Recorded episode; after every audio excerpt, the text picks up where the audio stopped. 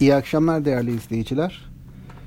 Gerek yurt içinde gerekse yurt dışında hisse senedi piyasaları e, zayıf bir günü satıcılı bir seyri geride bırakmak üzere. BIST 100 endeksinde bugünkü kayıplar %1.4 seviyesinde oluştu. Dünkü kayıplarla birlikte borsa böylece haftalık e, bazda geri çekilmiş, e, geri çekilme yaşamış oldu. Oysa önceki 10 hafta yukarı yönlü bir eğilim vardı. Böylece 11. haftada bu eğilim sona ermiş gibi görünüyor şimdilik.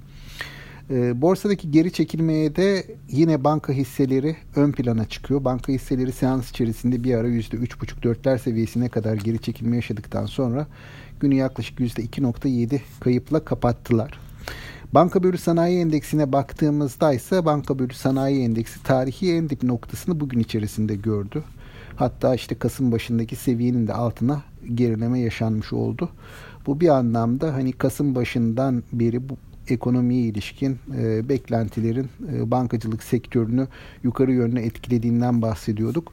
E, bu eğilim şimdilik bir ara vermiş gibi görünüyor. Tabi burada e, yatırımcıların kar beklentileri, bankacılık sektöründen kar beklentileri, faizlerin genel seyrine ilişkin, enflasyonun genel seyrine ilişkin, genel risklere ilişkin görüşleri e, bir miktarlık şimdilik e, zayıflamış gibi görünüyor. En azından banka hisseleri bazında.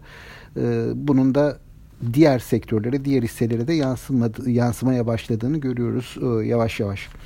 Önümüzdeki günlerde tabii burada bir toparlanma olabilir ama şimdilik e, hani bugünkü satışlarla ve bu haftakinin genelini değerlendirdiğimizde bu haftaki satışlarla birlikte e, gelecek hafta da bir miktar satış eğilimin hakim olması beklenebilir piyasalarda. Bunun e, değiştirebilme ihtimali, olan faktörlerden birisi yurt dışı taraftaki gelişmeler olacak. Yurt dışı taraf da e, hafta sonuna biraz zayıf giriyor. E, tabii burada da Covid-19 ile ilgili endişelerin yeniden yüksek sesle tartışılıyor olmaya başlanması önemli bir faktör. Her ne kadar aşılama çalışmaları küresel çaptaki bizde de başarılı bir şekilde son iki gündür yürütülüyor. Bizde de başlamış ve yürütülüyor olsa da bunun da etkileri görülecektir hisse senedi tarafında diye düşünüyorum.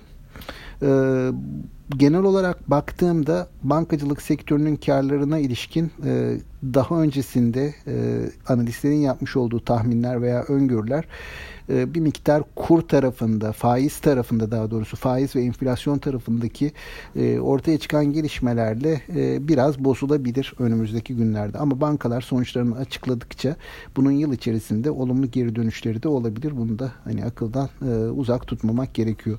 Bugün aynı zamanda TL'nin bir miktar değer kaybettiği bir gündü. Hani yine bankacılık sektörünü etkileyen faktörler, dinamikler kur tarafında da TL'nin bir miktar değer kaybetmesine neden oldu.